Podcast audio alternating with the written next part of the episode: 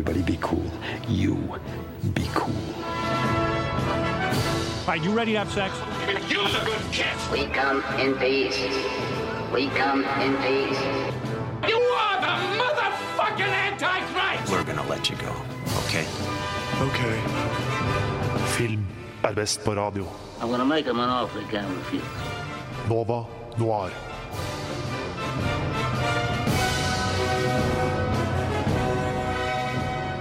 Hei og god morgen til deg som hører på Radio Nova denne gråe, triste torsdagen.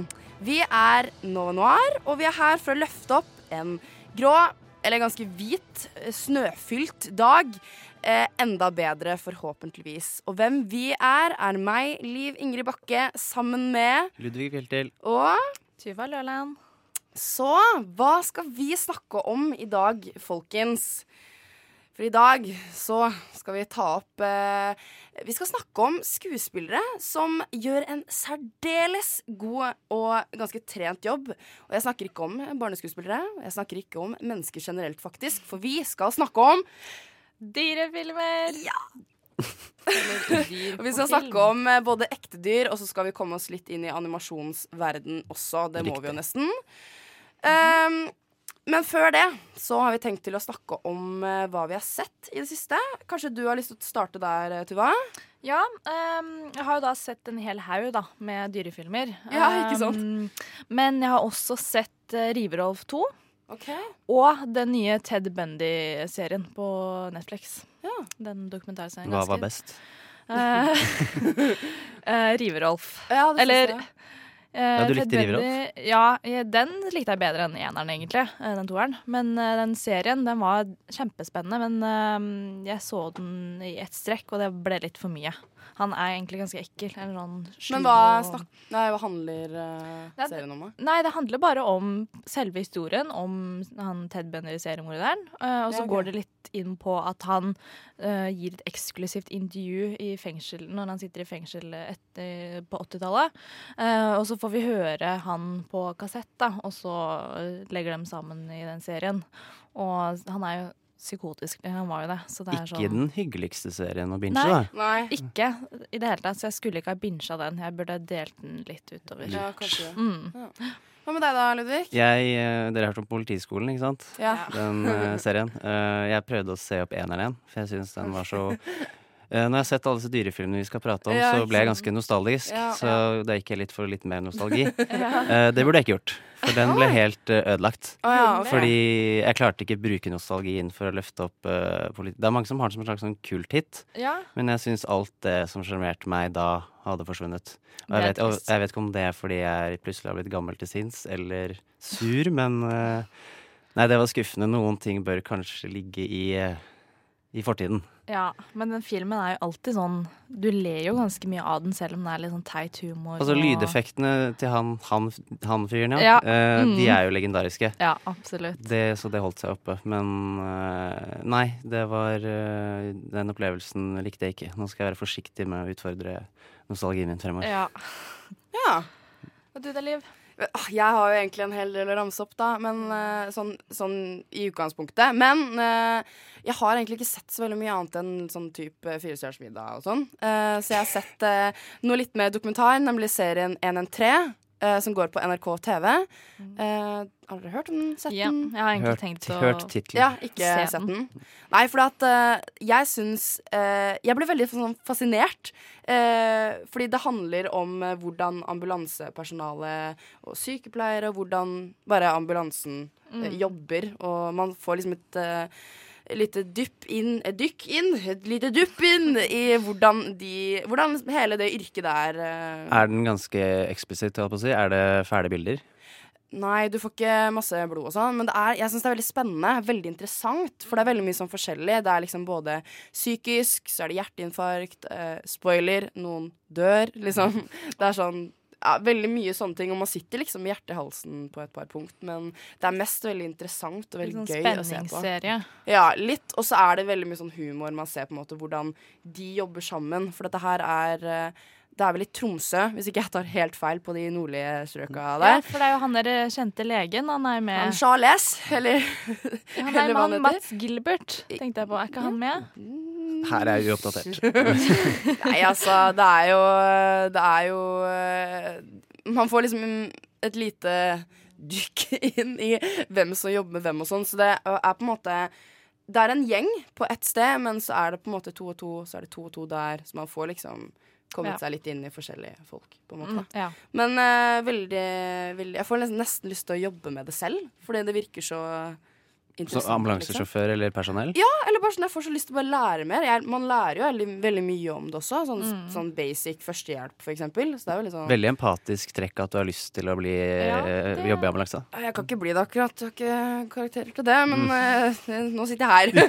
Fortsett med det. Men uh, OK, da, da var det egentlig Mm. det jeg hadde sett, da. Utenom uh, Ladybird, som jeg ble ganske skuffa over. Men nå skal vi gå videre på nyheter. Men før det så skal du få høre låta Ting Trang med hudkreft. Der hørte du låta Ting Trang med hudkreft. Eh, Da er det på med nyheter. Har du lyst til å starte med din nyhet, Ludvig? Ja, vi har jo faktisk tredd den inn i en ny æra av eh, Christian Bale. Ja. Som visstnok har eh, sagt at han må stoppe med disse fysiske transformasjonene, transformasjonene sine. Som, er, som er liksom halvparten, i hvert fall, av skuespillet hans. Noe Ja, av det viktigste, det- syns jeg. ja. Men uh, han pusher jo eller Han er jo godt, han er over 40 nå, Ja. og kroppen har merket uh, den hensynsløse måten han har behandla han på. Så uh, det gir jo mening. Men Ja. det, det, det, det, det, det, han fortsetter sånn. Hm? Jeg tror han kommer til å dø tidlig hvis han fortsetter sånn. Nettopp. Uh, han har jo kone og barn, og det er kanskje en Mm, ja. annen prioritering. Men uh, jeg syns bare det er, det er en sånn kvikk nyhet. Men den er, eh, det er litt uh, jeg, det, jeg blir spent å se hvordan han skal hva slags roller som han Ja. tar fremover. Er Han tar sikkert sånne animasjonsstemmeroller og Ja, kanskje det. Bare gå litt sånn den veien. Eller. Suburban Dad, eller noe. Ja. Hva med deg, Tuva? Eh, nei, nå er det jo offisielt da at uh, Oscar-utdelingen i år ikke skal ha noen vert. Ja, med snakk om Oscar. ja.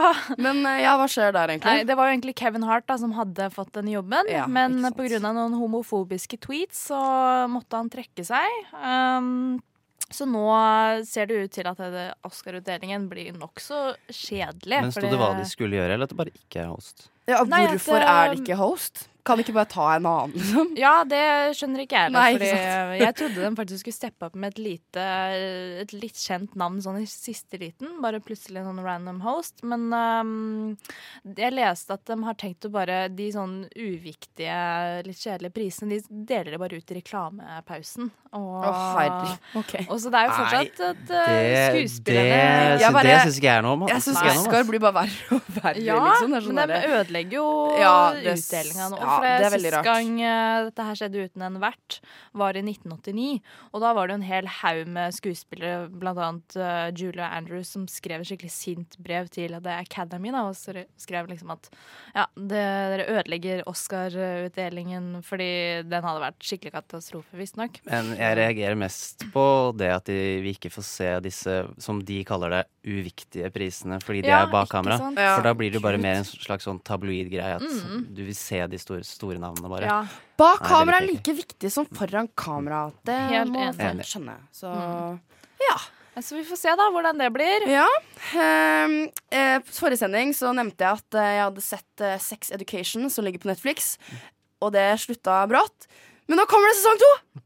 Jeg gleder meg. Har dere sett det nå? Jeg har sett Nei, første bare hørt episode. Men jeg Tuva, klarte nå å- syns jeg du skal komme Men jeg i klarte gang å her. forutse hele serien, resten av serien, basert ut fra første episode. Å ja. Så da tenkte nei, jeg- nei, nei, nei, nei. Nei. er Jeg ble, ble overraska. Ja, ja, ja, jo. Ja. ja. Nei, men det er sikkert uh, individuelt. Men Ja. eh, jeg anbefaler folk å se den, hvert fall, hvis du trenger litt humor og litt uh, 90s uh, inspiration, eller hva man sier. Men eh, vi skal snart gå inn på temaet i dag, nemlig dyrefilmer. Og vi skal starte med en god klassiker, nemlig Hachko. Men før det så skal du høre en låt som heter eh, Ego med Death Crush. Vi startet eh, roligere enn forventa. Du hørte On Hold med Bård Berg. Kanskje du får høre Death Crush med Ego litt senere i dag heller.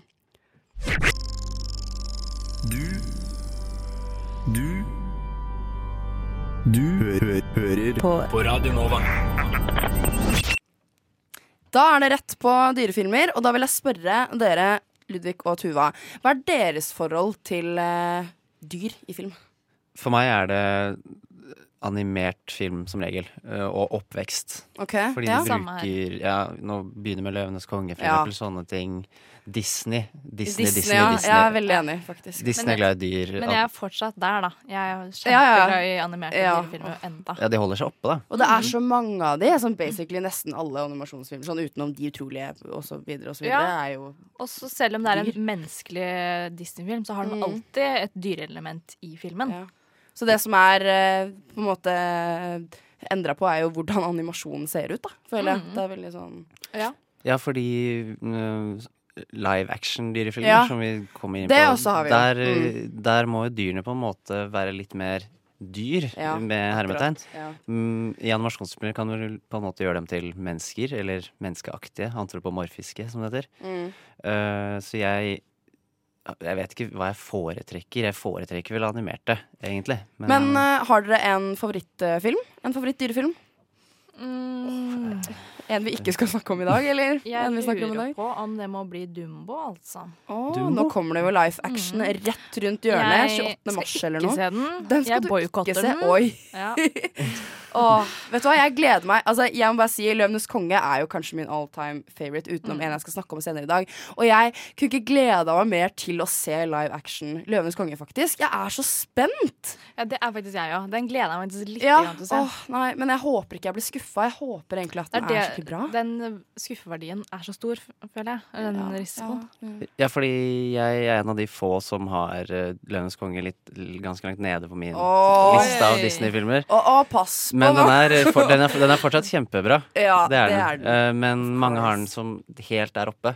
Mm. Det har ikke jeg, da. Men eh, det er en digresjon. Men hva er din favoritt, da? Ja, det er det, da. Nei, jeg tenkte, har tenkt på det liksom timevis, men, uh, Men har du et favorittdyr, da, Ludvig? Det, Altså, jeg vokste opp med katt.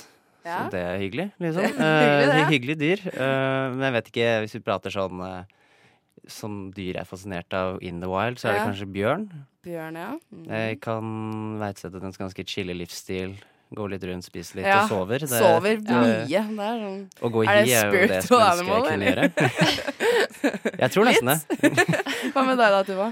Eh, jeg er veldig glad i elefanter, da. Elefanter, ja. Uh, men et sånn, hvis vi skal snakke om dyr vi er fascinert av, så må det være hai. For det, og Å, ja. Ja, ja. Det er Nei, kanskje spekkhoggere er Ja, yndlingsdyret mitt istedenfor. Nei, jeg vet ikke. Hva heter den derre Free Willy? Free Willy. Ja. Willy Free, oh, eller hva det er for? Free Willy. Nei, jeg må jo si eh, at løver Litt fordi jeg er så glad i Løvenes konge, kanskje, men også uh, skal jeg anmelde en film som eh, har løver i etterpå. Og jeg vet ikke, jeg er bare sånn Hjertet mitt smelter av løver. Jeg, bare, åh, jeg er veldig glad i katt Mm. generelt. Da. Jeg er også glad i hund, liksom. Så, men jeg vet ikke om det er noen jeg er sånn superfascinert av, egentlig. Så du kunne ikke Sånn. tenkt deg å dra på safari og se på løver, liksom? Jo, herregud, det må jo være drømmen om å Ja. dra til Sør-Afrika og se på egentlig alt. Sjiraffer. De, de er egentlig ganske kule. Ja. Er Eller eh, være sånn volunteer på sånn løvesenter i Afrika. Ja, men det har jeg så lyst til. Men ikke gjør det. Eller da må du gjøre god research, Fordi at alt det er ikke sånn særlig bra. Men vi kommer litt tilbake til det senere. Nå skal du få høre Death Crush med Ego, endelig.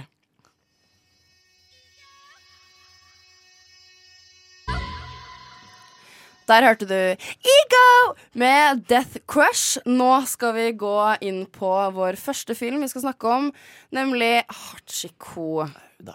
Har dere sett den? Ja. Ja. Hva syns dere? Um, Trist. Ja. Kan jo uh, fortelle litt om ja, Kan jo fortelle litt om hva den eh, handler om. Eh, det er en Lasse Hallstrøm-regissert eh, film som er basert på en eh, sann historie. Eh, det handler om en Akita-valp som blir sendt fra Japan til USA.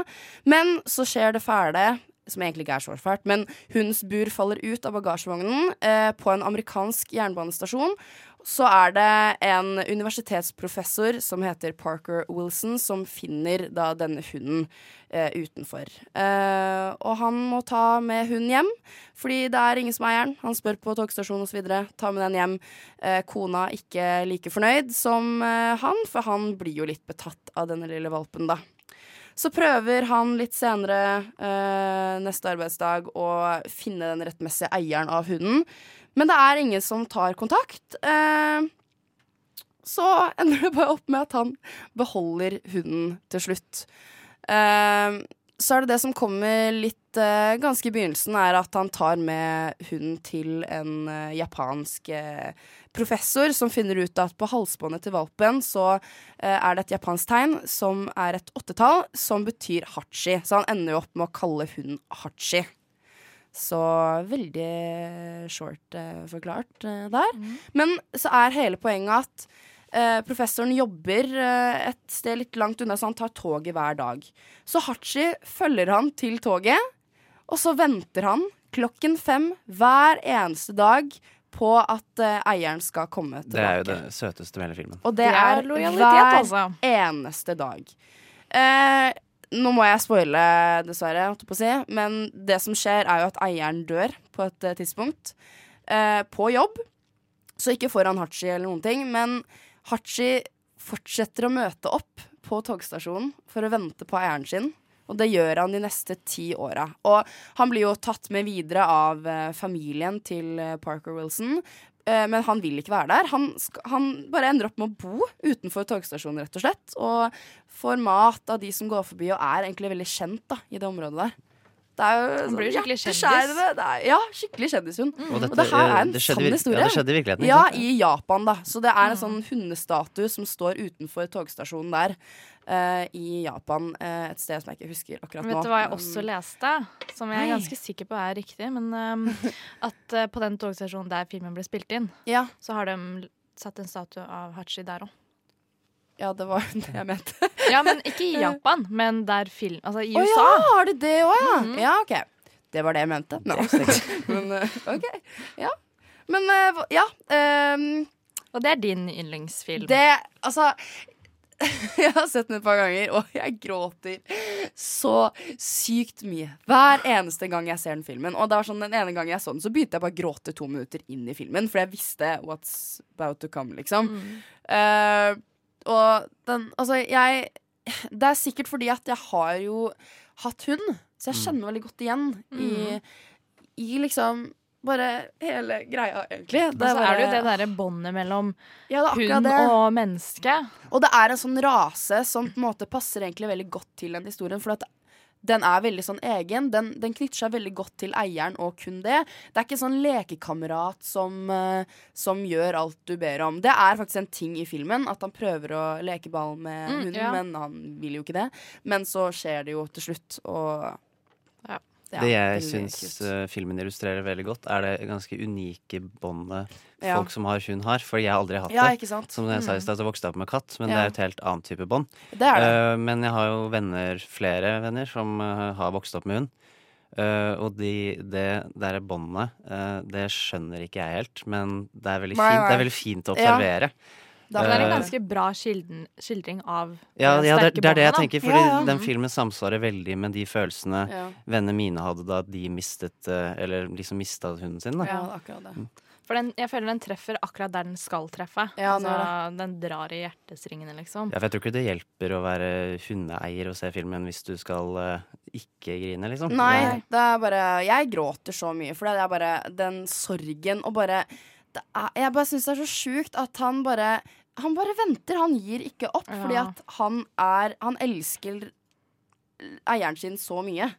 Uh, en liten fakta jeg skal komme med nå, er at uh, Fordi jeg tenkte også sånn Herregud, så fort en hund vokser. Hvor, langt, uh, har, hvor lang tid har de brukt på å filme filmen? Men så er det en fakta at de har brukt hele tre forskjellige Akita-hunder da gjennom filmen. Så en valp, en ungdomshund og så en eldre hund. For Ja, man bruker- ser jo hele utviklingen. Å bruke ti år hadde vært litt drøyt, kanskje. Ja, Ja. at den, den er gammel på slutten der, og Mm. dør jo. Eh, ikke på ordentlig, sikkert, da, men Så ja, det er jo også er det, det er sånn derre La oss snakke om hund på film, da! Det er, altså, jeg syns det er så kult at det liksom går an. Bare bruke Så er det tre forskjellige hunder også. Du må liksom Du må ha en god nok hund All til å klare All den treningen som, Ja. som legges uh, i Jeg syns det er sånn wow. Jeg, vet, at- jeg vet at ofte, i hvert fall når de bruker eldre hunder, så er det, Ja. of, så er det, ofte, så er det ofte enten som pensjonerte blindehunder eller politihunder. For de er Ja, allerede det- ganske ja, herda. Mm. Men det er bare sånn herre alle uttrykkene de får til, og at det vekker følelser på den måten av hva de gjør og sånn. Og så Det går jo etter et manus i tillegg. Ja. Det er jo sikkert mye som uh, mangler, kanskje, eller noe annet som skulle skje, men, men det funker såpass bra at det er sånn Man blir veldig sånn fascinert over hvordan ting har liksom skjedd. Og så er det jo litt morsomt da, at man får se det i Hachis synspunkt ja, ja, den det er veldig kult. fra- Sånn black and white-syn og mm, Veldig kult. Men ja, det, det var du, ser, den du ser ganske rørt ut. Ja, men det er nesten så jeg, det er nesten så jeg har lyst til å begynne å grine nå. Jeg skal ikke gjøre det. Men jeg gråt ikke en eneste gang. Jeg skjønner, Åh, jeg ikke skjønner ikke at det går an! For jeg er sånn, jeg er sånn som deg, Liv. Pleier å grine fort av filmer. Men den her altså selvfølgelig, den er kjempetrist. Jeg har ikke akkurat nevnt at jeg har gjort det før, men uh... Nei, men uh, du er typen. Ja, La oss jeg er det. innrømme det. Jeg er det. Ja. Men uh, For den trist er den jo. Trist. Rørende, trist. ja. herregud. Men uh, nei. Men også er det musikken som er så fantastisk. Ja, det er pianomusikk. veldig elegant det er sånn og derre- Det setter jo stemningen, bare. Er Det det ikke- sånn- Var det ikke en kun piano, basically? Det var liksom ja, det er ja. Mm. ikke noe gitarspilling der, nei. Det er piano, skikkelig klassisk uh, ballettmusikk som Mm. passer veldig til uh, han professoren. fordi at uh, de er sånn kunstner, kunstnerfamilie, da, så Ja. det passer veldig godt i filmen. Men det er sånn der, det setter stemningen der, liksom. Men, det er det siste eh, trøkket som trengtes ja. i den filmen. Rett og slett. Så det gir ti av ti, jeg. Ti av ti. Ja, det er ikke dårlig. Ja. Men eh, det var vel egentlig den eneste filmen vi skal snakke om som på en måte har ekte dyr. eh, Nei da, det er ekte Ja, dyr. Ja, men fordi at nå kommer vi snart til heldiggrisen Babe, som også er ekte dyr, men med en liten eh, twist. Men eh, før vi går inn på den filmen, så skal vi høre en låt som heter On Repeat med Arisa and Miette Hope featuring Philip Lasseter. Du fikk nå høre On Repeat med Arisa and Miette Hope featuring Philip Lasseter. Nå skal vi snakke om heldiggrisen Babe, som du har Det- valgt, Ludvig. Det skal vi. Yes. Eh, klassikeren vet jeg ikke, men eh, filmen fra 1995. eh, Føler det er en film som eh, de fleste har sett. Går ikke den på typ om, julaften eller noe? Den går i juletider, Ja, tror jeg. juletider. Ja, hørt om den. Ja. Um, Aldri forbundet med jul, uh, men i i hvert fall. Den handler om, det er jo heldiggrisen Babe, som, eh, ja, skikkelig heldiggris. så, som uh, i starten er en grisunge som blir funnet Eller han blir vunnet på sånn Gjett vekten ja. på grisen-konkurranse av bonden Arthur, som ja. uh, får et knytter et nært bånd til Babe, da. Uh, for uh, han tar han med på gården, og derfor han bor på fjøset sammen med eh, hunden, border collien Fly, Ja, og mannen Fly. hennes, kan man si. Hennes mate Rex, som er liksom sjefen på gården. Mm. Veldig intimiderende hund.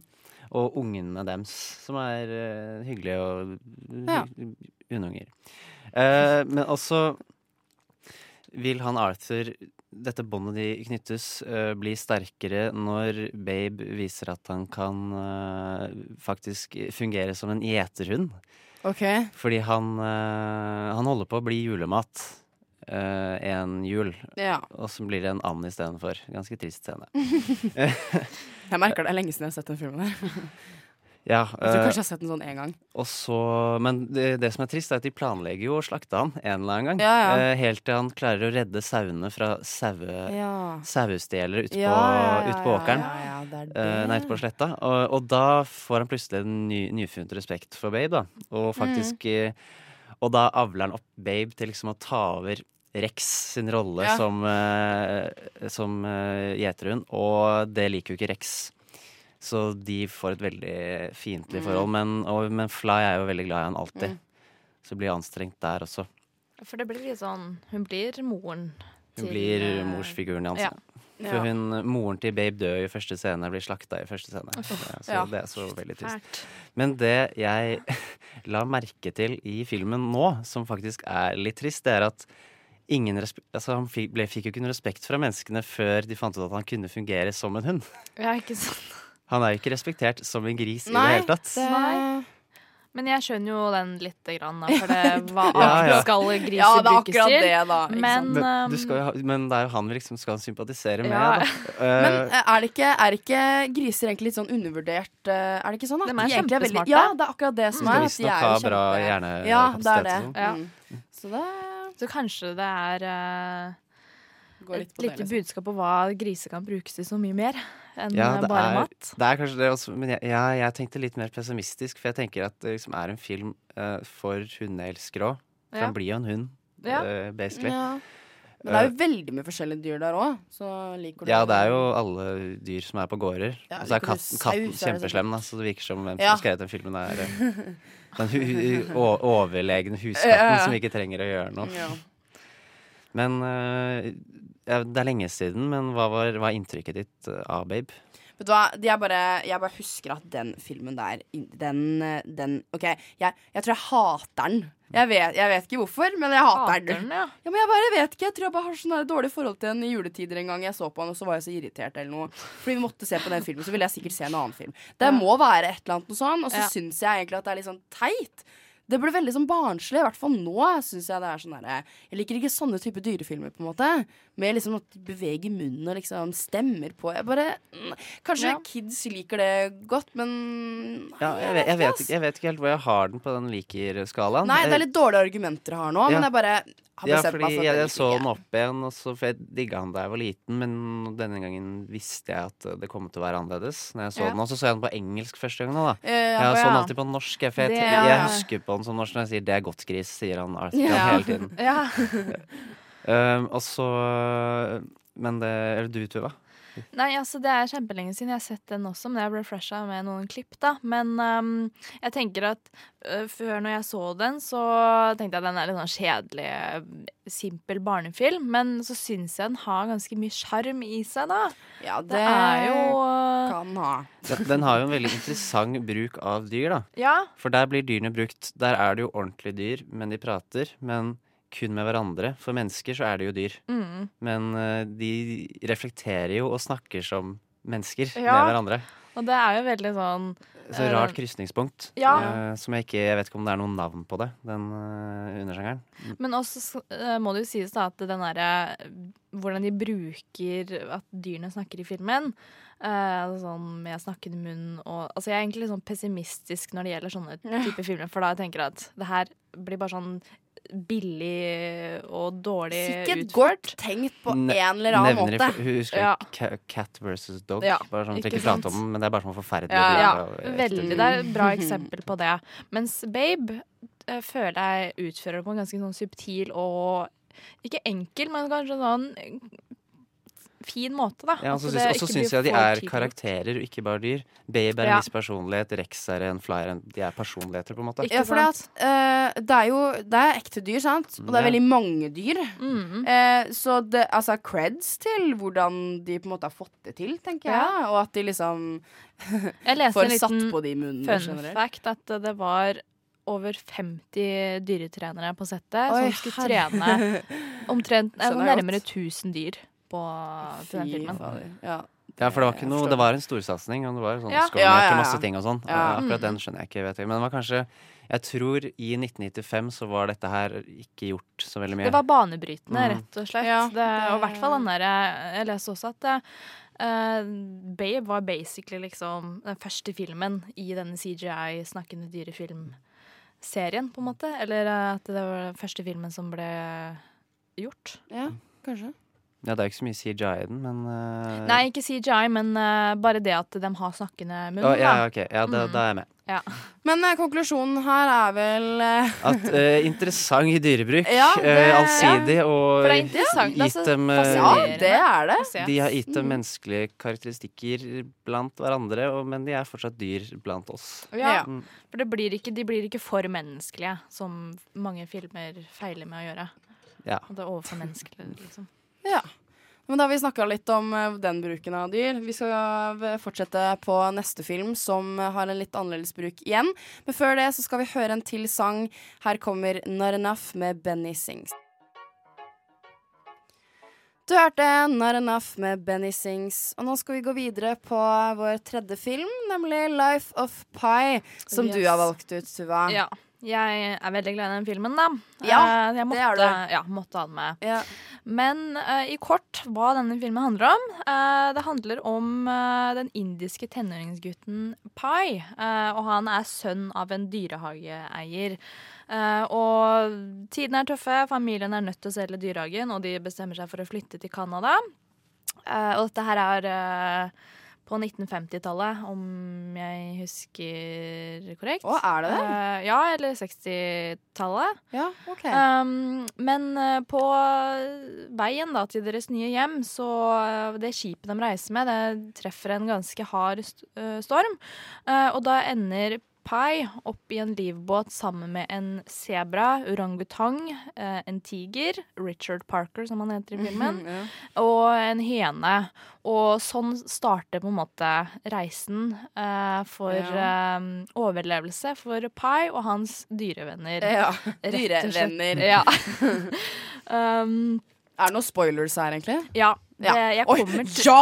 OK, be aware, people. ja, det er her, det her er skikkelig spoiler, men jeg føler at eh, Ja, men man- ja. Nei, altså adv advarelse, absolutt. Ja. Eh, fordi dyr spiller jo en ganske stor rolle og klar betydning i denne filmen her. Fordi på slutten uh, Pi, nei, Pi klarer seg, eh, og han skal forklare, seg, forklare hva som er skjedd, da, hvorfor båten sank til noen som jobber med den båten, eller noe sånt. Um, og da forteller Pai den historien vi nettopp har sett i filmen, at han ender opp i båt med disse dyrene, og til slutt bare med Richard eh, Parker. Eh, og så tror jo ikke disse mennene han forklarer til på at det her er sannheten. Um, det er for godt til å være sant. Ja, så da, det høres jo litt sånn ja, ut. men- så da forteller han istedenfor en annen historie, eh, og sted, altså, da er på en måte hyene er ordentlige mennesker eh, som man Ja, bare har dekka over. Så Ja. hyenen er kokken på skipet. Mm. Eh, Sebraen er en sjømann som også jobber på skipet. Og orangutangen er moren til Pai, og da er Pai Richard Parker, altså Mm. tigeren. Um, og den kokken er jo ganske fæl, eh, så akkurat som hyena gjør, så dreper hyena både sebraen og orangutangen. Mm. De dreper sebraen for å bruke han som åte til at han skal fange fisk. Eh, og Pai ser jo moren sin ble, bli drept, så han klikker jo da, mildt sagt. Og han dreper da kokken i sinne. Mm. Akkurat sånn som tigeren gjør på hyena. Eh, og, men det er jo opp til seerne, da, hvilken, Ja. hvilken det- versjon er det som er eh, sann. Eh, men det jeg syns at den bruker dyr her for å gjøre en ganske tung historie til en mye lettere Altså en lettere og finere versjon, da. Ja, for hva er det som er Av- spesielt med dyrebruken her? Det er jo det at du Eller det derre at Pie og Richard Parker er helt alene, og hvordan den dynamikken Mm. deres, hvordan de klarer til slutt Altså hvordan han Pai er så smart og klarer å ende opp i samme livbåt Eller fordi han bygger seg på en måte en liten flåte litt utenfor båten, uh, livbåten, men til slutt så blir de jo såpass komfortable med hverandre at de klarer å være i samme båt. Uh, så jeg syns symbolikken til dyrene i denne filmen her er ganske bra. Ja. Eh, Det er kanskje verdt å nevne at Richard Parker er CJI. Veldig, Ja. veldig, veldig bra Det er, ja, for det er jo ikke noen ekte dyr her Nei, nei, i det er jo filmen. Alt er, eh, men det er, ikke, det er. ikke for overdådig og tilgjort, liksom, fordi bruken av CJ er ganske bra.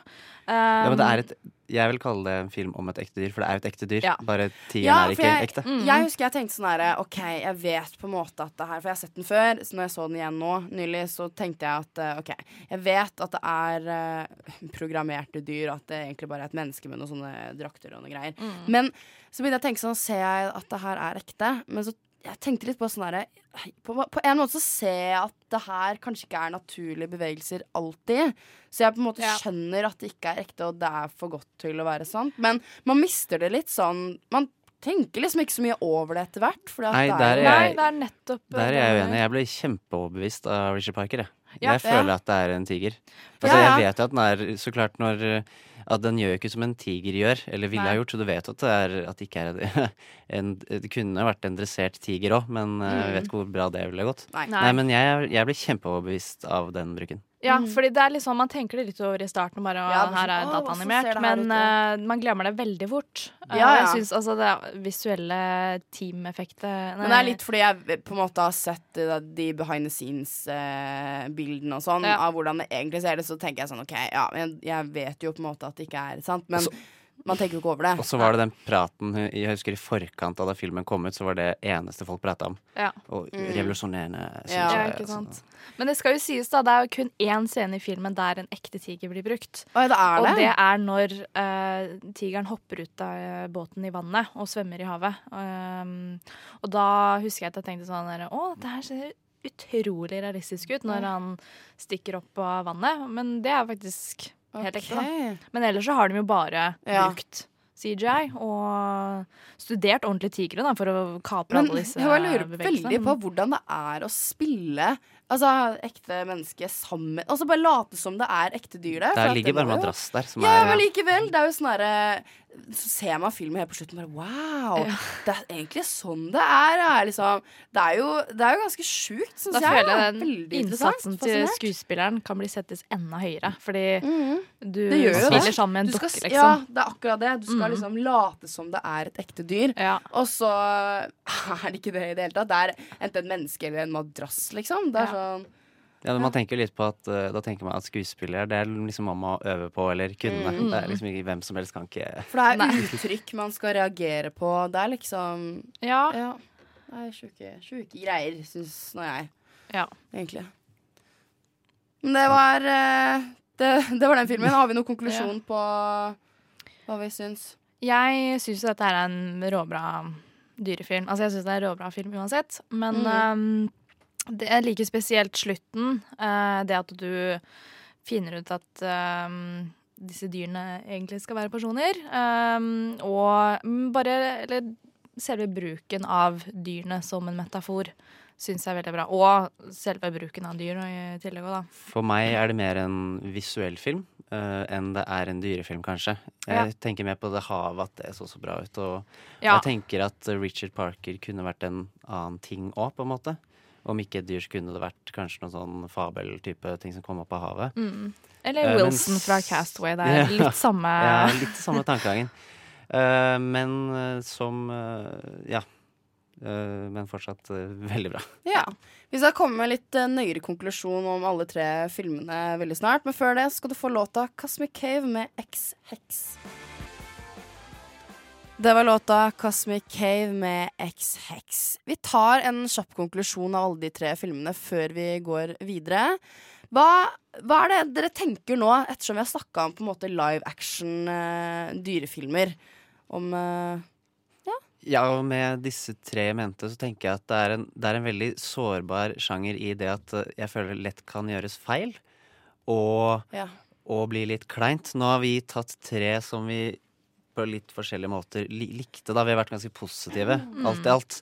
ja, Så vi burde kanskje vært litt mer uh, sytete, men nei, det er greit. For jeg syns det egentlig er en ganske, som sagt, en ganske klein sjanger.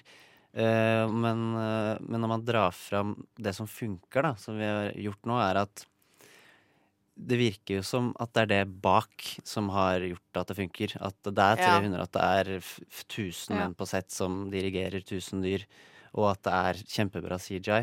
Mm. Uh, fordi dyrene, de kan jo ikke gjøre dette selv. Så det er, det er ba, bra bakomliggende arbeid. Jeg tenker sånn Filmene hver for seg er jo på en måte gode, siden det er forskjellig bruk av uh, dyr og uh, effekter osv. Men jeg vil jo fortsatt si at Hachiko er på en måte min favoritttype eh, bruk av eh, dyrefilmer. Fordi det er, et, det er et ekte dyr. Det er faktisk et ekte dyr eh, som trenger å vise uttrykk og trenger å vise følelser og skal komme overens med andre skuespillere. Det er liksom ikke sånn som i Life of Pie, som er veldig godt bruk av dyr. For du skal liksom Du skal lage et dyr som ser ekte ut, bare at det ikke er ekte. Ja. Men jeg bare tenker sånn å herregud, jeg tror min drøm måtte ha vært å bare spilt uh, skuespiller i en film med et ekte dyr, liksom. Tenk så Ja. sykt kult. Og så føler jeg det eh, kommer litt an på hva slags dyr òg. Er det Ja, bare det sånn kjæledyr, eller er det liksom Er det bjørner og Ja. er det løver, liksom? Men det er det som er det. Jeg kommer jo litt, uh, litt til det nå veldig snart, fordi jeg skal jo eh, ha en liten anmeldelse her. Kanskje vi bare skal hoppe over dit med en gang? Hva tenker dere?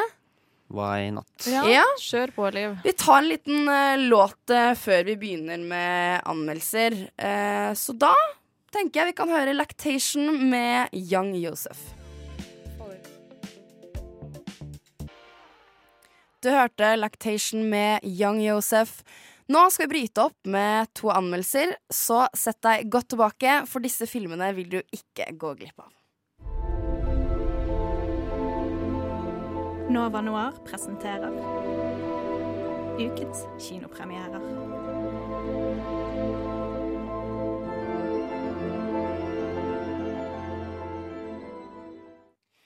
Den første anmeldelsen i dag er en film kalt Mia and the White Lion, som har premiere i morgen 8. februar. Og og hva handler er- den om? Ja, det som er at det her Jeg bare sier det med en gang at det er jo eh, ekte dyr, som jeg kommer frem til eh, litt senere. Men Hva sa du nå? Ikke noe CGI nei. Nei, det, å herregud, jeg gleder meg så sykt til å bare forklare hva som skjer. Men veldig kort og godt så handler filmen om eh, Mia, som er eh, en ti år gammel jente som eh, er eh, oppvokst i London. Har et godt liv der, gode venner. Eh, men må flytte til Sør-Afrika med familien, som er eiere av en løvefarm.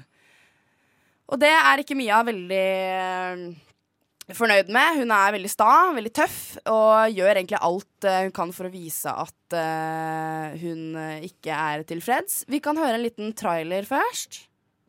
feel the same when I'm away from you. this place. It's your home.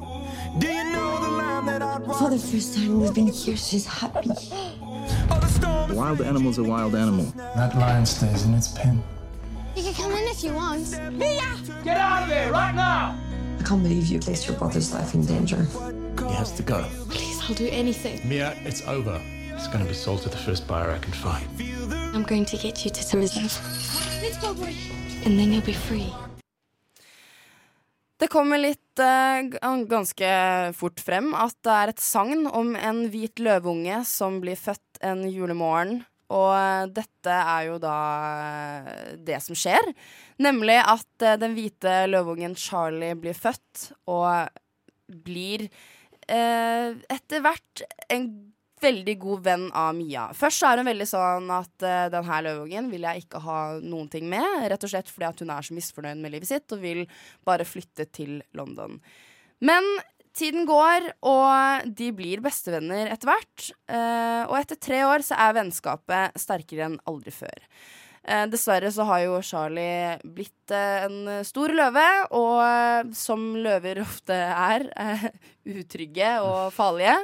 Og faren og moren spesielt blir jo litt bekymra over hvor sterkt forhold Charlie og Mia har til hverandre. At de er redd for at det skal gå litt hardt for seg, for å si det sånn, da. Um, jeg vet ikke om jeg spoiler eller noe, men jeg må bare fortelle at det er jo et ganske sterkt budskap utenom det forholdet Mia og Charlie har til hverandre, nemlig eh, hvordan løvefarmer fungerer i Sør-Afrika. For det som skjer, er at eh, faren ser seg nødt til å selge Charlie fordi at eh, han blir for farlig, rett og slett. Men det her nekter jo Mia på, fordi at hun er såpass trygg på han, og de er vokst opp sammen og ser på en måte ikke noe farlig med han i det hele tatt. Så hun ser seg nødt til å rømme sammen med Charlie for å få han til et uh, litt mer trygt sted. Så det er ikke- helt klart et uh, politisk budskap her, da. ja, det er det, og veldig aktuelt budskap. Eh, for uh, som, uh, som jeg håper de fleste vet, så er jo løver uh, utrydningstrua. Og jakt på løver er lovlig, og det er jo Fy. helt krise.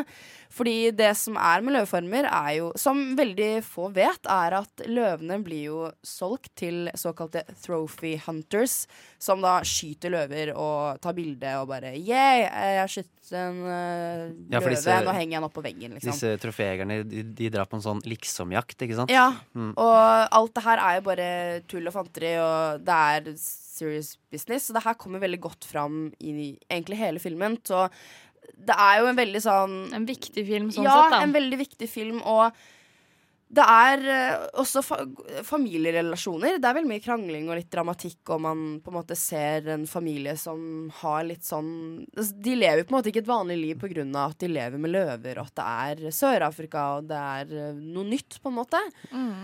Og eh, ja, det, det er veldig sentralt, både det budskapet om hvordan løvefarmen tar seg ut, men også det utrolig sterke vennskapet og forholdet Charlie og Mia har til hverandre. Hvordan er skuespillerprestasjonen? da? Uh, jeg tenker jo Altså, det er, det er det som er Jeg føler jo nesten at det er dokumentar, selv om det er helt klart er fiksjon. Men jeg skal fortelle dere en liten fakta, uh, som er at uh, før regissøren, som er eh, skal vi se Gilles de Maistre? Jeg er litt usikker på hvordan man sier det. Det er litt sånn fransk eh, film også. Mm. Fransk-engelsk blanda. Han eh, tok kontakt med en kjent eh, zoolog som heter Kevin Richardson. Eh, også kalt The Lion Whisper. Hvis dere har hørt om han, har dere sett i videoen om han fyren som Ja, klemmer tror- løver Ja, og bare ja, ja. Ja, det er han. Eh, og jeg er sånn superfascinert av det selv. Men eh, regissøren spurte han om eh, hva som var mulighetene med å lage en film med et barn og en løve. Han mente at det er umulig, med mindre barnet og løven har vokst opp sammen. Så det er det som har skjedd.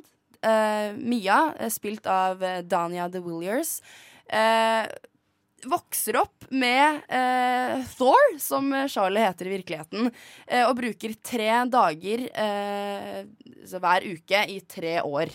Der de bygger opp et faktisk vennskap, sånn at det her skal gå, for at da kjenner de jo hverandre. er, Hvis ikke så hadde det jo ikke gått. Så Herregud, det er gjennomtenkt. ja, så når løven blir eh, Jeg tror det er ett og et halvt år gammel, så er det sånn at crewet må bli satt i bur. Fordi at eh, da er han på en måte Han er blitt så gammel at det kan liksom skje ting. Og det er jo liksom sånn i filmen også at faren mener jo at nå har han blitt så stor at instinktet hans er å drepe, ikke å Mm. være menneskets venn. Og jeg syns det er så utrolig Det er sånn der jeg kunne ønske jeg var henne. Bare, hun, hun ble jo tatt ut av eh, en, en av de 300 som var på audition i eh, Sør-Afrika. Eh, og hun er kjent med løver fra før, så det var jo et veldig godt valg av skuespiller generelt. Og det er veldig bra. Det er sånn der, du, du tenker jo at det er ekte, fordi det er jo nesten ekte, på en måte. Og alle de andre også spiller, spiller det utrolig bra. Det var ingenting jeg tenkte over eller stussa på om skuespillet der var dårlig, fordi og jeg, da visste jo ikke jeg det her. Det her var research jeg gjorde i etterkant. Ja. At for jeg var sånn her Herregud, hvordan klarer de det her? Det er løver, liksom. Selvfølgelig, de kan jo drepe når som helst, men det skjedde ikke noe skade. Og det er Dette er en av de mer eh, lidenskapelige anmeldelsene vi har hatt på Nova på ja, en stund. og nå er jeg veldig glad i løver også. Jeg vil tro at de som er glad i løver, eller savannen og afrikanske dyr generelt, kommer til å elske denne filmen her. Jeg likte den veldig godt. Den, den, den er sårbar, den er vakker. Jeg, om, jeg, om jeg gråt Spør meg om jeg gråt. Gråt du, eller? Om jeg gråt! Jeg gråt! Og jeg gråt med en gang jeg så den lille lion-cuben og bare og jeg gråt på slutten, og jeg måtte sitte igjen i kinosalen fordi at eh, jeg, jeg gråt. Og hadde tatt meg maskara, selvfølgelig. Jeg hadde ikke tenkt så langt. Tenkte jo at jeg kommer til å gråte. Jeg gråt. Jovial film. Ja, men eh, det er jo det som er at eh, liksom Når det er så sterkt budskap med det kjærlige forholdet, samtidig Mm. som det er noe som Jeg er veldig for at vi skal ha et bedre dyrevelferd, ikke bare her i Norge, men generelt. Jeg hater Sterkt ord. Jeg hater jegere som skal jakte på sånne uskyldige dyr som spesielt er utrydningstrua. på en Ja. måte Det traff meg virkelig. på en måte Det godter meg når sånne jegere det er blir funnet drept av eh, de dyrene de jakter på. Da tenker jeg sånn Og nå blir det veldig interessant, da, Liv. Uh, hvor eh, havner du på vår 1-10-skala når du skal uh Ja, det jeg. Jeg må nevne at egentlig jeg begynte å tenke etter det som var det jeg ikke likte med filmen. Men Ja, for jeg jeg tror skulle det, til å spørre, Er det noe du ikke syns er bra?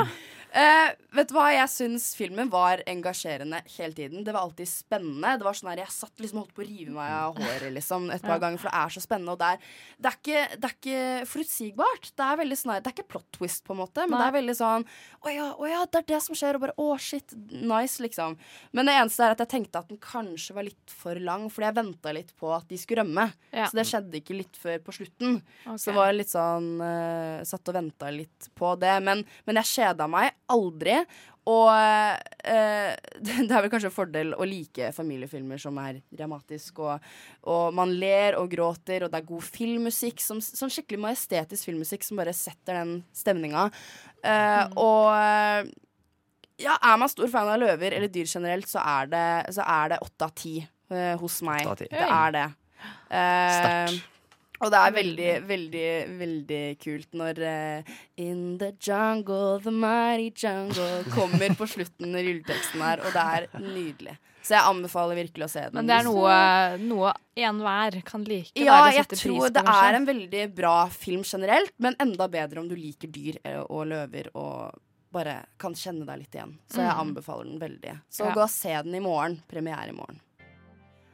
Der hørte du I Want To Tell You med Crispy, og nå skal du få en anmeldelse av Alira Battle Angel.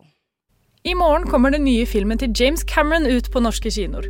Cameron har til dette prosjektet fått med seg Robert Rodriguez som regissør, som tidligere er kjent fra Sin City og Småspioner. Denne nye filmen, Alita Battle Angel, er basert på en mangaserie med samme navn. Filmen tar sted i det 24. århundre, 300 år etter menneskehetens største krig, som heter The Fall. Åpningsscenen viser oss Dr. Edo, spilt av Christoph Waltz, vandrende rundt på en søppeldynge, hvor han tilfeldigvis kommer over en halvveis ødelagt robot.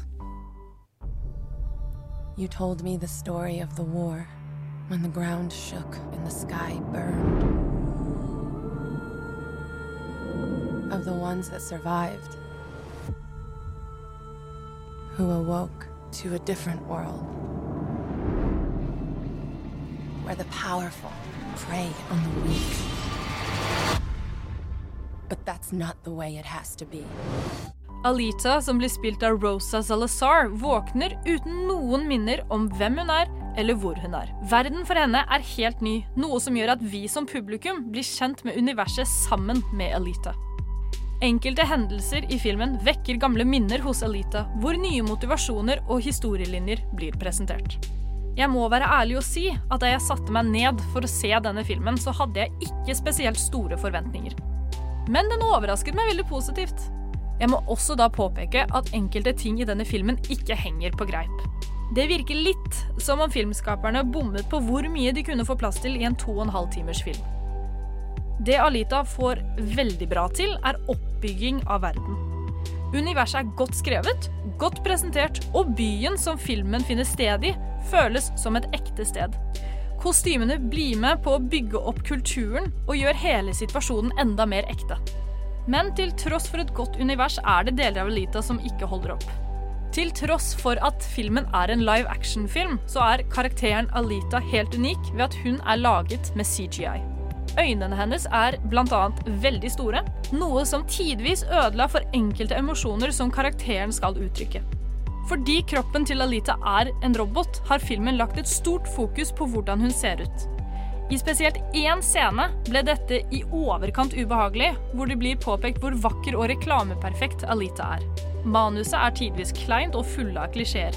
Tidvis var det så ille at jeg vil synke ned i setet mitt.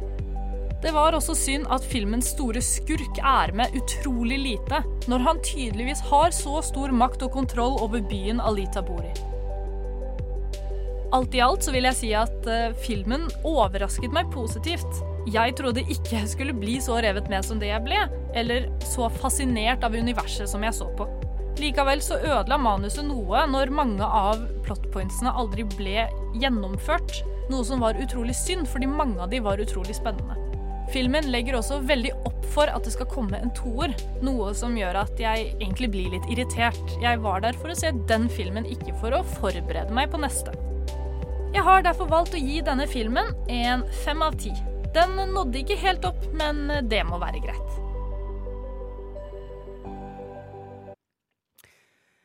Før eh, Nå spør jeg helt ut. Du hørte I Don't Know Much med Safario. Men før det så hørte du Hanne Holm Aune sin anmeldelse av Alira Battle Angel. Og det skal sies at eh, filmen kun varer i to timer, ikke to og en halv som ble nevnt. Beklager det. Nå skal vi videre inn på animasjonens verden. Og vi skal starte med første film, som er Spirit, hingsten av Cimarron. Jeg tror det er det, det man sier det. Ja. Vi prøver det. Ja, den her har vel alle sett, har de ikke det? Jo da, vet ja, Det er sånn jeg forventer at alle ser den, men den her er fra 2002.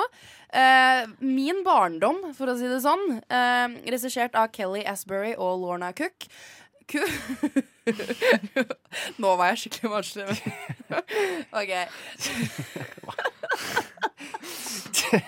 Nå tuller du, Liv. Back on track. Ja. Damon og Høvland. Hei, tidlig på morgenen. Det er jo Matt Damon har Stopp, da faen, ass. Hvorfor er jeg så barnslig? Der går de to minuttene vi har. Matt Damon, James Jeg ser ikke hva som står her. Tåreøre. Øre. Litt avsporing. Oh, OK. Å, herregud. Matt Damon, James Cromwell og Daniel Sturi har eh, de eh, engelske stemmene i filmen. Men eh, jeg er en av de som ser animasjonsfilmer på, eh, på norsk. Eh, er eneste? Uansett, uh, Uansett. Nei, jeg ser ikke på noe engelsk dritt. Jeg, skal se på. Eh, jeg ser de på norsk hvis jeg så de på norsk da jeg var liten. Ja, Men jeg òg. Men jeg er veldig glad i sånne stemmer eh, som Håvard Bakke og Aksel Hennie og sånn. Og her har Kåre Konradi stemmen som Spirit og forteller. Ja, det er det.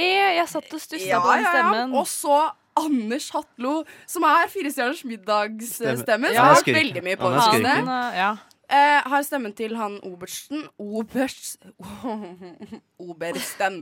Og Trond Teigen har stemmen til Little Creek. Nå skal jeg komme med fakta med en gang jeg begynner på, før jeg begynner på handlinga. For Bryan Adams har jo soundtrack til filmen, som er helt fantastisk. I love it. Jeg har hørt så mye på den. Jeg hadde CD-en, tror jeg, da jeg var liten. Eh, og utenom Hans Zimmer, som har filmmusikken. Men vet dere hvem som synger de norske sangene? Nei. Mm, nei. Vegard Ylvis Åker. jo! Han synger de norske, norske sangene. Han er jo dritflink. Jeg Kan han elsker synge? det. Han kan synge. Hvor Og jeg gammel, og- var ikke han bare sånn 15 da, eller noe sånt? Eller hvor gammel er han? da? 2002. Han Nei, han er vel Nei, det Han var kanskje seins eller Men, men, men, men, men dyreliv. Filmen som ja, dyrefilm. Ja, ja, men det var, det var veldig sånn fakta som jeg måtte komme med deg. Ellers så handler filmen om, for de som ikke har sett den, av en eller annen veldig rar grunn Spirit vokser opp med moren sin i en flokk, veldig nysgjerrig fra med dagen han ble født. Eh, så finner han eh, ut at det er noe lys litt sånn i enden av eh, skogen der, så han går bort for å utforske, og finner da mennesker som til slutt tar han til fange etter en sånn dramatisk kamp der han Han er jo så tøff, da, så han kommer jo nesten seg unna, men han blir jo tatt med til en slags eh, Ja, hva kaller man det egentlig? Jeg tror han, han skal Eh, bli oppdratt til, til ja, militærhest. til å bli de hestene som er der uh, fra før. Men uh, eh, det ja, Han blir der jo en stund, da. Uh, men til slutt så kommer han uh, Little Creek inn og blir også tatt til fange.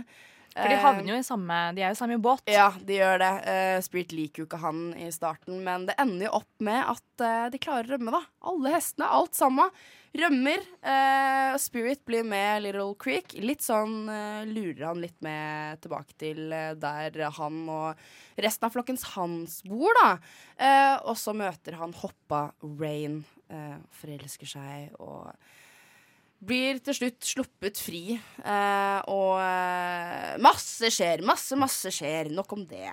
Tingen er, Det som er så gøy når jeg så den her nå eh, for et par dager siden, er hvor tegna det er. Det er jo ikke sånn animert sånn sett, men Men det det er la jeg merke til med en eneste gang. Den bare åpningsscenen. Altså Det er jo animasjon, men det er sånn klassisk gammeldags animasjon som ikke er uh... Jeg, jeg, jeg tror den til og med var ganske konservativ da òg, Ja. den animasjonsstilen. For jeg føler at den var litt før sin tid, på en måte. Ja, det er akkurat det. Det er, sånn, det er så gøy å se. For det er, det er noe av det som, som Så når jeg ser på det nå og har litt mer peiling på film enn når jeg var litt mindre, så er det mye som ser så sykt ut.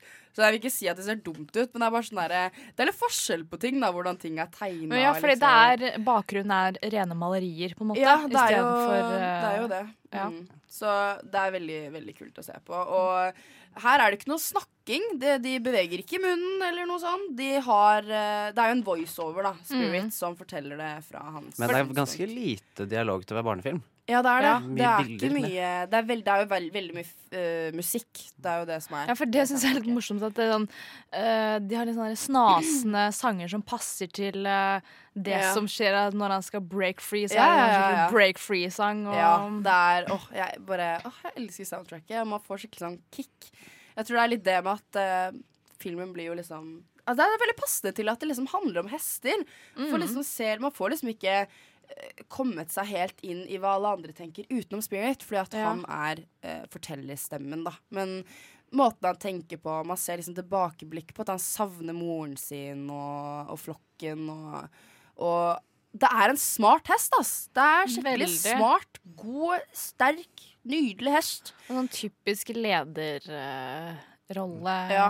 Og vet du hva, jeg så den her med en kompis, og så klarer jeg å si sånn Vet du hva, eh, hvis Spirit hadde vært i menneskelig form, så tror jeg han hadde vært en skikkelig hunk, sa jeg. Han trodde han skulle daue, og bare Hva i alle dager er det du tenker? Men, men det er jo så nydelig hest. Bare, Men han blir jo portrett som en dere- sånn eh, hingst, da. Ja! Skikkelig sånn herre Herregud, for en fin hest. Alle sier jo det i filmen sånn Wow, det var en fin hingst, liksom. Ja, fordi hun Rain også, hun er jo noe for seg selv i utseendet. hvis hun hadde vært et menneske, så tror jeg ikke hun hadde vært noe pen. Eh, da ble jeg kalt sjalu av kompisen min. Det er jeg ikke, men jeg vet ikke. Det er bare et eller annet som ikke funker helt der. Fordi det, var en ting jeg la merke til i filmen, at de hestene som er temma fra før av, de er jo eh, ganske kjedelige i fargen. Altså De er bare brune Ja, er og ensfarga, mens Spirit og i hvert fall Rain, de har jo skikkelig klare og Vet du sterke hva? farger. Jeg må faktisk nevne en ting. Fordi eh, jeg har hatt hest på fôr før. Og jeg, det var en gang jeg hadde en hest på fôr som var seriøs prikk lik Spirit. Ha, til og med den stripa på ryggen, det er sånn svart stripe Ja. på ryggen, hadde den hesten. Og svarte bein, svart mule. Det eneste var at det var en jente. Så bare for å spore litt, da, så vet dere det. Det var Ja. fakta jeg hadde. Så du har jo et det, det ekstra nært forhold ja, til det denne er, Ja, det er jo litt sånn jeg bare Å, herregud, er spirit, liksom. Men uh, jeg, vet, jeg vet egentlig ikke hvorfor jeg liker Jo, jeg vet jo hvorfor jeg liker filmen. Jeg, jeg syns det er en kul måte å fortelle om en hesteflokk. Det er ikke så mange filmer som handler er, om det er en veldig naturlig måte å, i hvert fall i animert film, beskrive Ja. hester. For Ja, de det er er ikke noe menneskelige. Nei, det er ikke det. Og det er en flokk. Det er liksom eh, på, på Vesten i, i Mm. Amerika. Og, Og så er det jo det med at hest, altså disse villhestene og han Little Creek de eller symboliserer undertrykkelse.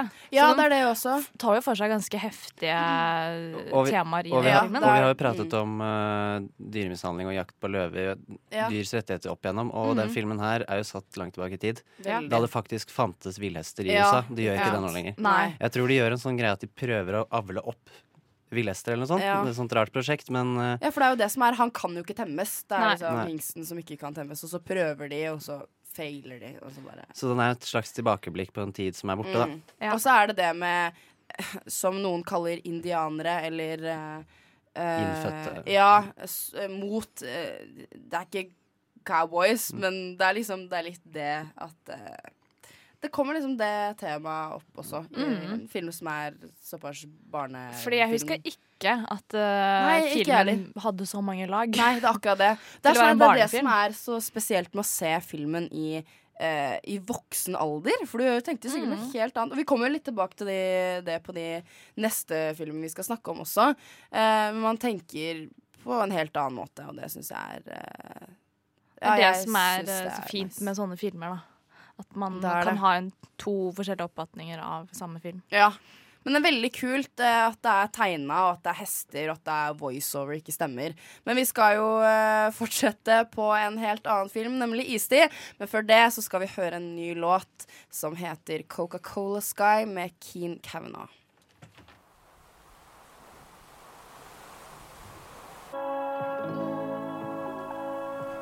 Der fikk du høre Keen Kavanagh med Coca-Cola Sky. Og nå skal vi gå videre på en annen animasjonsfilm som heter Easty, eller Ice Age. For de som ser den på engelsk. Ja, vi skal fortsatt være i 2002, som eh, Spirit har lagd det. Yes. Nå er vi tilbake i dataanimasjon, da. Same old. Det, det Istid er jo Den føler jeg liksom uh, Man sier liksom Ja. alle, alle har sett den, men uh, jeg føler alle har sett den. Men ja, det er jo det som er, den er så gammel òg, så Og så den filmserien i ettertid òg. Altså, alle har i hvert fall sett én av de tingene. er, filmene. jeg har ikke sett den aller siste. Den er øh, jeg husker ikke, oppe i verdensrommet eller noe sånt. Men jeg Aha. elsker jo Easty, og jeg syns egentlig bare det har blitt bedre og bedre. Men nå skal vi egentlig bare ta for Jeg, oss jeg skal nummer bare én. ta eneren, for jeg Ja. syns, ja. syns eneren er best. Men den er noe for seg selv også. Den er ikke Ja, akkurat Den er så original Ja. og kvikk. Veldig seriøs. Det Den- er veldig mye humor, men den er litt mer seriøs enn de andre, føler jeg. Den er det. Og den Ja. handler om Manfred, Sid og Diego, som Ja. er en sånn unlikely trio Ja. av en sabeltiger, hva enn Sid er for noe, og Det er dovendyr. Manfred. Dovendyr? Ja, men uh, ikke sånn som vi kjenner det til. Altså, det er utrydda Men han er jo ikke helt normal. Han er en forhistorisk Så det er en dovendyr. deformert eh, dovenskapning, vil jeg kalle det sjøl. Men Uh, og de har jo hver sine personligheter. Manfred Ja. er den litt uh, introverte, stille, sure fyren. ja, mammut. Vet ikke om du Mammut. sa det. Jeg sa, sa jeg ikke mammut? Nei. Utrydda mammut. Og Sid, som er quirky, rar Dagfinn Lyngbø, som er Ja. stemmen hans. Han, Han, han gjenspeiler han, Ja, helt han gjenspeiler figuren veldig bra. Ja. Og Diego, som liksom er går fra skurk til, uh, Ja, til riktig, snilling. riktig. Han tilhører liksom en sånn flokk som han etter hvert liksom blir mer Ja. og mer uenig i. Ja. Veldig selvsikker og Under denne turen de tre her har, da For Diegos mål er jo å drepe, nei, finne og drepe en sånn menneskehøvdings unge, fordi Mm. de har drept mange av sabeltigerne. Ja. Uh, og på hans leting, uh, og Manfred og Sid som uh, har møtt hverandre, eh, så møter de tre hverandre og finner ungen. Eh, og av en eller annen grunn så får alle sammen samvittighet, og skal mm. gå Kanskje ikke Diego i starten, og så skal de følge ungen hjem. Nei, fordi Diego er jo sånn derre OK, jeg later som jeg er venn med det, men egentlig skal jeg bare ta ungen til slutt. Men Så han player jo så- litt. Men så bare så blir han sjarmert av disse. For, for det er en liten Det blir en liten familie, Ja, det denne blir det. gjengen her. Mm.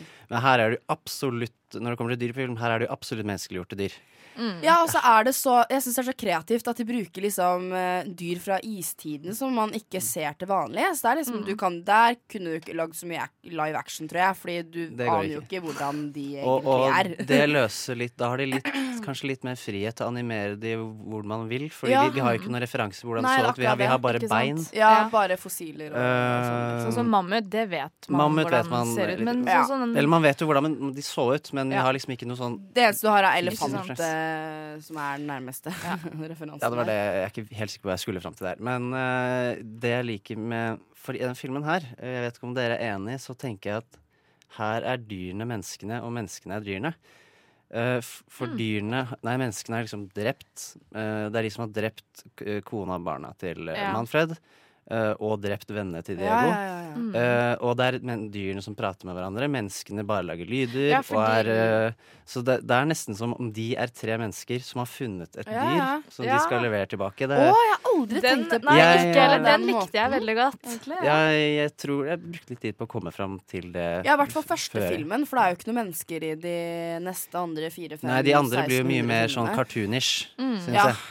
Men uh, godt poeng, godt poeng. Ja, veldig godt Mm. poeng, for det summerer jo hele filmen i seg selv. Og at det, er, og det er jo en sånn uh, Vi er jo ganske flinke til å oppføre oss fælt mot dyr og mennesker. mm. Så det er fullt en, det er jo en kommentar her. Om Ja. vi er! Mm. Jeg bare sier det. Jeg Skal ikke gå så godt inn på det. Altså, jeg, jeg, jeg, tror, jeg eh, tror vi var snillere mot dyrene i istiden enn det vi er nå. Fordi Ja, ja, ja. De, de drepte dem ikke for moro skyld. Nei, det er skulle akkurat det. Da. Det er bare sånn det er og pels. Og man ser på en måte hvordan eh, de menneskene lever også. De bor jo i type telt og eh, spiser eh, Det er de derre fuglene som fuglene som spiser melon og frukt og sånn. Jeg bare ja, ja, ja.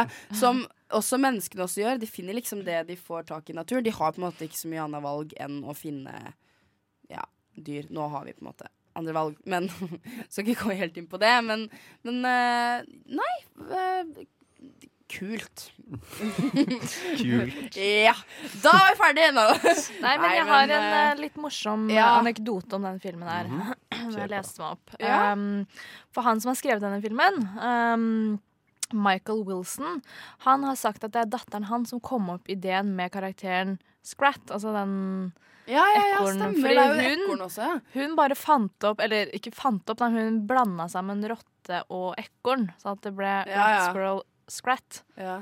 Og Så det er var egentlig ikke et dyr bl- som- Nei, fordi altså, det kan godt hende at det fins et dyr som er Ja, lignende. kanskje, ja. Men det at det, det kommer fra et lite ja, barns kult, kult. minne, det, eller fantasi, det er litt gøy. Det visste jeg ikke. Nei, ikke jeg heller.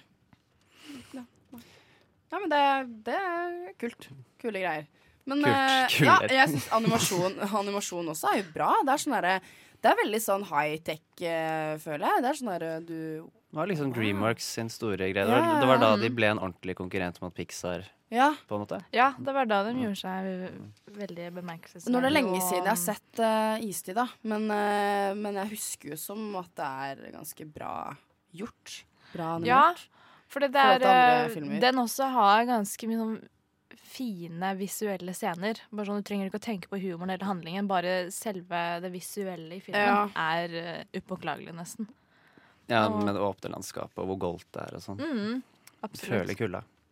Ja. Jeg bare, uh, nå ser jeg den på norsk, og jeg syns jo det er best med tanke på stemmen igjen, da. Jeg har aldri Bare sett den på engelsk. Det er Nei, og jo, jeg har sett den på Nei, ja, Nei, jeg tror ikke jeg har sett den på engelsk sjøl. Jeg ser Nei, ikke noen grunn klar- til det. Nei, ikke heller. Ja, det er jo så bra. Du, hver gang jeg hører Linn Skåber, for eksempel, som kommer igjen i film nummer to, Mm. da når jeg tenker meg om, så blir jeg sånn Åh, jeg tenker bare på istid, liksom. Jeg tenker bare på Ellie.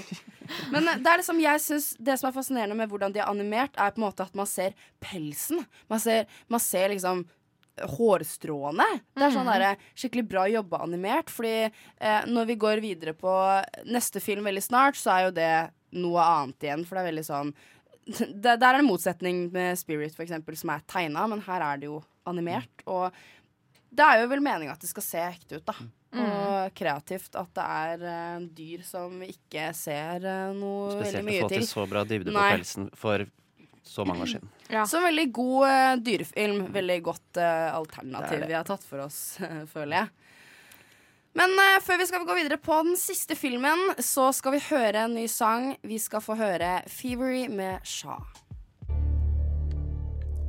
Der fikk du høre en eh, deilig, rolig låt uh, av Shah som heter 'Fevery'. Nå skal vi gå videre på 'Ratatouille', som Tuva har uh, valgt. Yes. Altså, den også er jo en av mine favorittfilmer. Det er favoritt! Nesten. Åh. Ja. Det må jo være det. Altså, Det skal vi forklare hvorfor det Ja. er. Nå er vi da i 2007. Filmen Ratatouille er nettopp kommet ut. Mm. Eh, Regissert av Brad Bird, som har gitt oss De utrolige. Det er Patton Oswalt som har hovedrollen her, for det er nemlig rotta Remi det handler om. Han bor i klokken under Paris, ehm, og hans største drøm er å bli en mesterkokk. Eh, og det er noe familien hans eh, bare mener er tullete og ulogisk. Mm. Altså skal eh, verdens mest skitne dyr, eller det vi anser som skitne Ja. dyr, være verdens mest reneste bransje, liksom. Men så møter Remi den klønete kjøkkengutten eh, Linguini. Han jobber da på Gustows eh, August Gustows restaurant. Eh, og Gusto Gustow er jo uh, Remis idol, største idol. Um, og her, sammen med Linguini, så starter Remi et veldig usannsynlig samarbeid på denne restauranten, da. At han For um, Remi er jo et naturtalent um, uh, som kokk, og da styrer Remi um, Linguinis bevegelser på hodet hans Det er jo helt sjukt, da. Hvordan det liksom Altså, det er Hvordan jo kom på det. Det premisset, ja. det syns jeg altså, ja. Det er veldig, veldig bra fantasi. Ja, tenk hvis du hadde vært skalla, liksom. Mm. Da, Ja. det hadde vært et problem, da. Sånn. Da hadde det ikke vært samme film. Men jeg syns det er litt av sjarmen nå, da. At det, liksom, at det går an å finne på noe sånt, for det er jo, er jo, det er jo så morsomt. Det er jo Ja. skikkelig, skikkelig feel good. Eh, ikke bare drama, men masse Nei, humor. for jeg syns at det her er en av Pixars aller beste Ja, filmer. for det er alt enig, liksom fra musikkskåren musikkscoren eh, til animasjon og det visuelle, altså de bildene vi får da, av Paris og restaurant. Ja, man får liksom et godt inntrykk av eh, og- hvordan matlivet er i Ja, Paris. Og For det er jo mange kokker, eller han der Anthony Bourdain, Ja. han sa jo at dette her er den beste skildringen av øh, å jobbe på restaurant og det å være kokk Ja, noensinne. Ja, og dette her er en barn, altså animert Ja. barnefilm. Og men Um, dyrebruken her ja. er, det, Her er jo den Her har de brukt et dyr til å lage en sånn underdog-story Mm. i et menneskelig. Univers. Ja, Altså, du, du, kunne, du kunne ja. lagd en lignende film om kanskje en, en fattig ung gutt kanskje som drømte om å bli kjøkken. Og så hadde de gjort det sånn, men de setter det en, tar det enda lenger og Mm. gjør den til en rotte istedenfor. Ja, og det er det som er det morsomste, da, at det er en rotte. Ja, ikke sant? Som Skadedyr og Altså Ja, ikke sant? Det vi kaller for skadedyr, da. Som Ja. er liksom fy-fy på kjøkken, og er det rotte på kjøkkenet, da er det, da er det ikke noe bra. Og... Ja, for vi har Ja. en rotte som styrer rundt på kjøkkenet Ja, her. Ubemerka. Uh, og tenk på alle de uvitende gjestene som sitter og får servert mat laget av en rotte. Men det er jo det som er Skal vi sp- spoile litt på slutten? Uh, fordi Ja, at da spoiler. Det Ja, ender jo, ender jo opp med at han får sin egen restaurant, og da er det ikke sånn at folk vet at det da er Ja, eller i hvert fall han Anton Ego, han matkritikeren. Ja, ja, for han finner jo ut av han det. vet Ja, det. ja. Men eh, det kommer jo fram at uh, Eller restauranten, jeg vet ikke om den blir stengt, eller Jo, jo, er. Jo, det er akkurat det jeg tenkte Ja. på. Så den blir jo stengt på grunn, altså, grunn av er. Mattilsynet, på en måte. Men så åpner de en ny restaurant, så er det liksom øverst er det for alle rottene, og så er det for menneskene nederst. Men da er det vel uh, Linguini, altså hun uh, som jeg ikke husker helt hva Colette. heter. Colette, ja. Som har den sammen, ikke sant? Nå er det Mm. lenge siden jeg har sett den, Jeg, Ja. ikke jeg burde sett den. Det syns jeg er veldig, veldig kult, at det liksom det funker på begge måter. Men kan jeg rante litt? Ja, det For jeg har, ja, jeg, har, jeg har en innvending ja, ja. om filmen her. Uh. Eh, jeg blir nok djevelens advokat her. Okay. Men mye i den filmen her, det er ekkelt.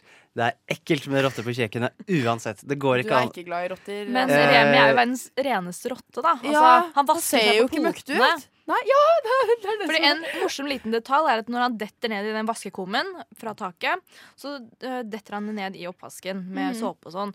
Og da er hun jo ren, og så når han uh, løper rundt på gulvet, så løper han på uh, bakbeina. Så Ja. han bruker ikke alle fire. Men uh, nå, nå snakker jeg utover filmen. Nå snakker jeg Å bare når ok, jeg greit. tanken på når jeg okay. ser den. ja. Det, det er ekkelt. Og det, når den siste scenen, når, de, når resten av kokkene drar, når han, prøver å, når han viser dem at det er han som, Remi som har lagd maten, Mm. og alle stikker Jeg elsker den scenen. Jeg elsker at du gjorde det. Og det var sånn Ja, dette er en helt naturlig reaksjon. Jeg er glad for at Pixar Ja, faktisk ja. gjorde det, istedenfor at alle sto, hadde stått der og klappet. Fordi det, er en, det er en realistisk Ja, reaksjon. det er sant. Det er jo sant. og Jeg tror jeg hadde vært jeg en av de nei, bare jeg hadde gjort akkurat det samme. Jeg hadde gått Jeg, jeg er en syte på sånn greier. jeg Jeg jeg er helt hygienisk.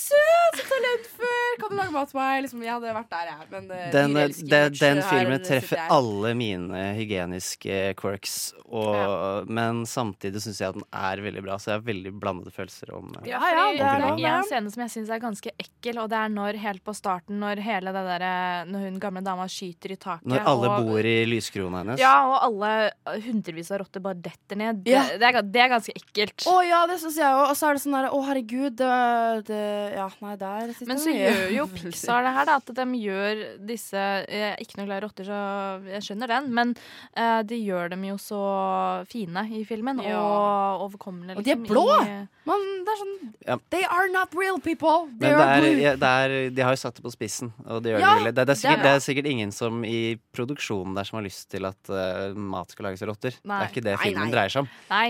Jeg bare, Hadde det aldri skjedd på ekte? min rant var bare på det visuelle, og at det blir litt sånn når jeg ser når jeg, Bare tanken på at, eh, at det det er den rotter på kjøkkenet Ja, det er den logiske siden av meg, men den forsvinner ikke når jeg ser filmen. Jeg, jeg får den der, øh, Men klarer du å nyte filmen tross dette Ja, her? jeg syns den er uh, bra. Jeg bare må fjerne den Uh, Ja. Men det er jo litt interessant å høre den siden, for nå har vi jo bare rost alle filmene i hele sendingen, så det er jo litt gøy Ja, å høre. Ratatouille gir meg veldig, veldig blandede følelser. Kul animasjon, da. Jeg ja. blir sånn det er, Jeg syns det er kult eh, er Altså Pixar, Hvordan alle karakterene ser Sånn som han, uh, han eh, anmelderen som er Ego. tynn som en strek. Og, og jeg tror de nevner det i filmen sånn der Han er tynn som en strek. Stre, han er tynn som en strek, men elsker mat og spiser mye. Og det er, sånn han der, det er så kult Ja, at han, han, han, sier, liksom ser han sånn sier bare at han spiser mat som er perfekt. Ja, han spytter også, ut all sånn Ja, mat. han, han svelger ikke det han ikke liker. Nei, det er sant. Og så er det sånn uh, Han bitte lille lavekokken. Så den Mm. passer bra til liksom De spiller på sånn derre litt sånn franske Det er litt Ja, sånn, ja, ja. litt sånn eh, fysiske Ja, hun karakteristikker. Colette også er veldig fransk. Ja. Og veldig typisk sånn derre uh, chick som er litt sånn Ja. hard to get. Og så Sånn, er det han lille hår linguini som er helt sånn lulul, Og så ender de opp sammen. Det er sånn derre Åh, det er så nydelig. Og jeg Det jeg synes. Det morsomste med hele filmen egentlig er vel at hovedpersonen heter Al Eller han kokken Ja. heter Alfredo Linguini, og det er Ja. et rent matnavn. Det er det. Altså, Ja. Men det er det som er, da. Jeg, eh, jeg vet ikke med dere, men når jeg hadde sett uh, Ratatouille for første gang, så ba jeg mamma lage ratatouille. For jeg, jeg syns den ser så god ut, den retten. jeg, har alt, jeg har aldri gjort den. jeg har Eh, alltid lyst til å Så vi lagde ratatouille, og det var godt, men jeg har lyst til å smake den som er på tallerkenen. Ja. Tallerkenen. Det er ikke en sånn veldig spennende rett. Det er en grønnsakslapskaus. Ja, men Ja. hvor, hvor ofte er det man Men bare, bare fint ah, Ja, hva skal til middag, taco, pizza Nei, vi går for ratatouille, da. Ja ja, kjør ratatouille ja, på, foran, på fredag, liksom. Ja, Fredagsratatouille, liksom. Det er sånn der, ja, det, det er Kanskje jeg kan telle på tre fingre hvor mange ganger jeg har spist ratatouille, liksom. Finner ikke det på restaurant. Så Nei, det, det syns jeg er kult, at den heter ratatouille. At det er akkurat den retten. Det er jo typisk fransk Og så så er det jo skikkelig spill på ord nå. Ja. Rat. Yes. rat, yeah. men ja, det var i hvert fall den filmen. Vi skal Ja. ta en kjapp eh, Eller en- ikke en kjapp, men vi skal ta en konklusjon av alle filmene nå veldig snart for å runde av eh, denne sendinga. Men før det skal vi høre en låt som heter Backseat Warriors med Mystic Coast. Du hørte Backseat Warriors med Mystic Coast, og nå er det klart for en liten eh, Nova.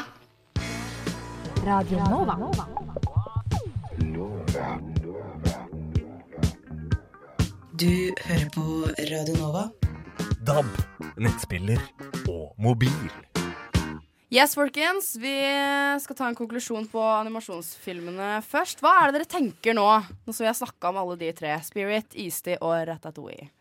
At Dyr på film er best. Ja, det og er At dyr på film er best animert, mener jeg da. Nå, nå kanskje Ja, sterkere er enn enig der. For det, dyr på film er én ting, men uh, det er lettere å relatere når det er animert. Jeg syns ja, også, Hæ, syns du også- det? også Ja. kan man gjøre mer ting med dyrene mm. animert. Det er sant. Det er det. sant. Man kan er bygge på så mye på altså, Du kan gjøre så mye mer uh, med karakterene, da. Enn bare sant. beordre dem. Også- ja, uten at det på en måte er ekte Og også, så og så skal det ærlig innrømme at jeg ser film med et ganske menneskelig øye. Jeg er ganske trangsynt der sett, så jeg liker kanskje at de er litt menneskelige, da. Mm. Selv om det alltid er Ja. Selv om det alltid er bra når det kommer en film som Hachi som gjør det sånn og er såpass Mm. bra, Ja. så foretrekker eh, jeg fortsatt når det er liksom fl mer å hente av animasjon, da. Ja, det er det. Og så er det veldig passende ikke bare barn, men også voksne. Mm. Sånn i forhold til hva Hachiko er. Men jeg må jo faktisk si at uh, filmer som Hachiko og Me and the White Lion, som jeg anmeldte, er jo Jeg syns det er skikkelig bra.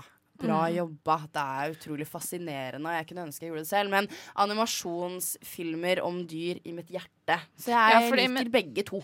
Ja, for det er vanskelig å få til en bra dyrefilm på ordentlig, Det er altså, det. som er live action. Så alle andre live action kan bare droppe ut. Men akkurat Hatch- Hatchico liker jeg veldig godt. Jeg tror kanskje det er fordi at live action-filmer, i hvert fall for meg, når de først treffer, treffer de hardere enn animasjonsfilmer. Ja. Så kanskje det ligger noe der. Men det er, Men jeg- det, det er større fall òg, da. Mm. Jeg blir så sjarmert bare av animasjonsfilmer generelt. Så, Ja.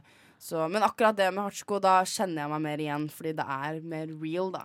Egentlig. Mm. Men sånn som Life of Pi, jeg syns det er kult. Sånn derre Mowgli og Jungelboken, det er jo kult, liksom, men jeg får liksom, det er bare drama, spenning for meg. Så, men jeg er, litt, jeg er litt delt der, men jeg, jeg liker begge to, jeg. Ja, De har ja, gode jeg ting, Jeg vipper nok sammen. litt mer på anim animasjon, men Ja. uh, live action og bruken av det er ikke Mm. noe dårligere av den grunn heller. Men da anbefaler vi egentlig alle Nesten alle filmene, da, egentlig. Ja. Jeg har vært positiv i dag. Ja. Så da er det bare å gå hjem og se på dyrefilmer i fleng og bli enda mer glad i dyr og gråte litt og le litt og hva du vil. Vi skal nå dessverre avslutte. Jeg er Liv Ingrid Bakke, og med meg har jeg hatt Ludvig Viltil. Tuva Løland. Og som tekniker har Hil Helje Svensson vært.